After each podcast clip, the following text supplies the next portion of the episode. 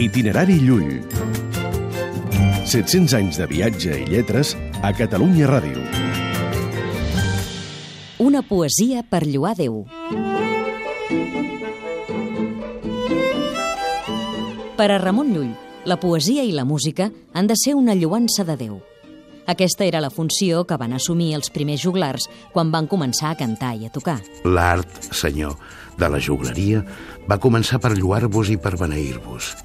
I per això es van inventar instruments i danses i cançons i noves melodies, per tal que tothom s'alegrés amb vos. Què se n'havia de fer, llavors, de tota la literatura que no està al servei de la fe?